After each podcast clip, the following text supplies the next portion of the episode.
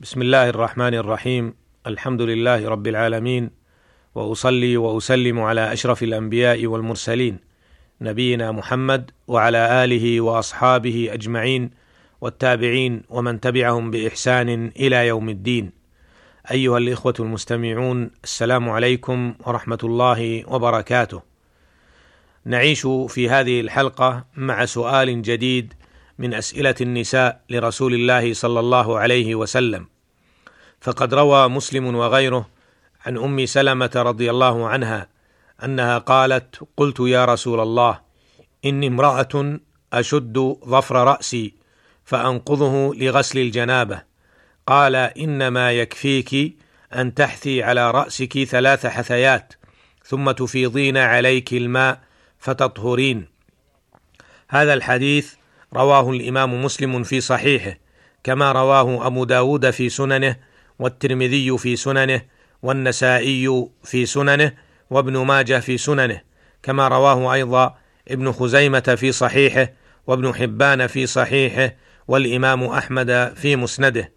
كلهم من طرق عن سفيان بن عيينة عن سفيان بن عيينة عن أيوب بن موسى عن سعيد بن أبي سعيد المقبري عن عبد الله بن رافع عن أم سلمة رضي الله عنها.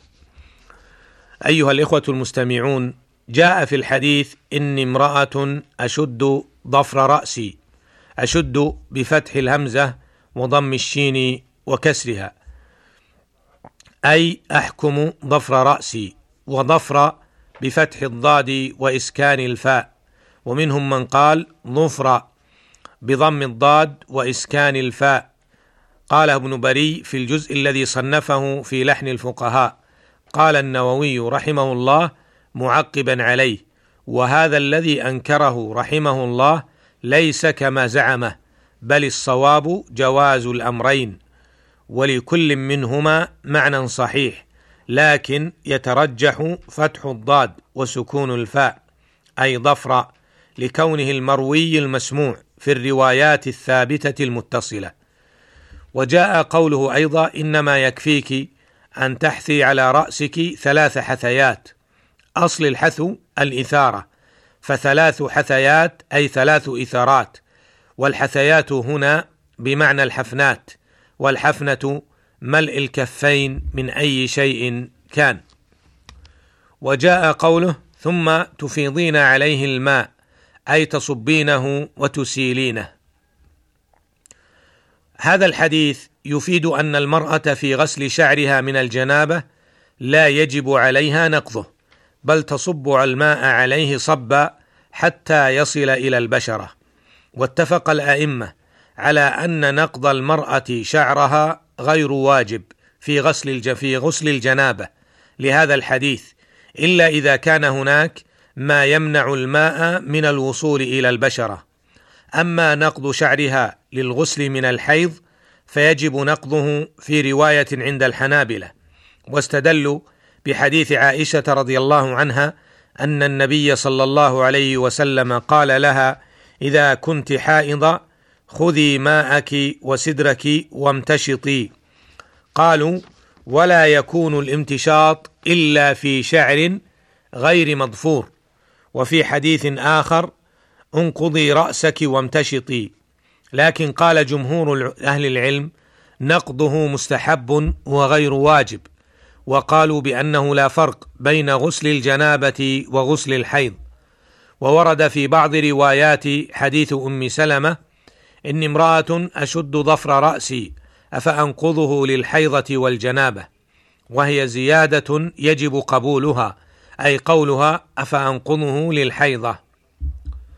أما غسل بشرة الرأس فواجب سواء كان الشعر كثيفا أو خفيفا. وأما غسل ما استرسل من الشعر ففي وجوبه خلاف بين أهل العلم. والصحيح والله أعلم عدم وجوبه لهذا الحديث. قال ابن قدامة في المغني لأن النبي صلى الله عليه وسلم قال يكفيك أن تحثي أن تحثي على رأسك ثلاث حثيات. مع إخبارها إياه بشد ضفر بشد ضفر رأسها. ومثل هذا لا يبل الشعر المشدود ضفره في العادة ولأنه لو وجب بله لوجب نقضه ليعلم أن الغسل قد لأن الغسل قد أتى عليه. انتهى كلامه رحمه الله. ومما يستنبط من هذا الحديث حرص النساء الأوائل رضي الله عنهن على توفير شعورهن والاهتمام به وأن هذه سمة نساء الصلف الصالح فعلى نساء المسلمين اليوم أن يتشبهن بهن وأن يترك وأن يتركن ما جد وما حدث على المسلمات من تقليد الكافرات بقص شعورهن والعبث بها على أشكال وأنماط مختلفة يتبعن كل صيحة من الأعداء. أو يقصن شعورهن تقليدا لشعور الرجال وهذا كله محظور فيجب على المرأة المسلمة أن تعتز بشخصيتها وأن يظهر هذا الاعتزاز عليها في شكلها فتبقى متبوعة لا تابعة عزيزة غير ذليلة. ومما يدل عليه الحديث أن الإفاضة على الجسد بالماء للغسل يكفي قال الخطابي رحمه الله وفيه دليل على أنه إذا انغمس في الماء أو أفاض الماء على بدنه فعمه من غير دلك باليد ومن غير إمرار بها عليه فقد أجزأه.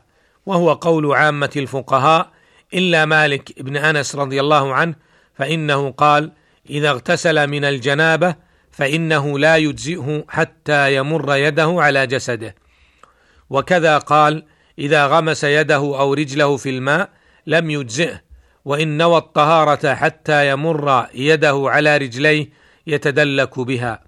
انتهى كلامه رحمه الله. ولكن ما ذهب إليه عامة الفقهاء هو الأقرب والله أعلم. ومما يستدل بالحديث أيضا أنه لا يشترط التثليث في غسل البدن يعني لا يشترط أن يكون غسل البدن ثلاث مرات. لأن النبي صلى الله عليه وسلم قال ثم تفيضين عليك الماء فتطهرين. ولأنه ذكر الثلاث حثيات على الرأس ولم يذكرها على سائر الجسد.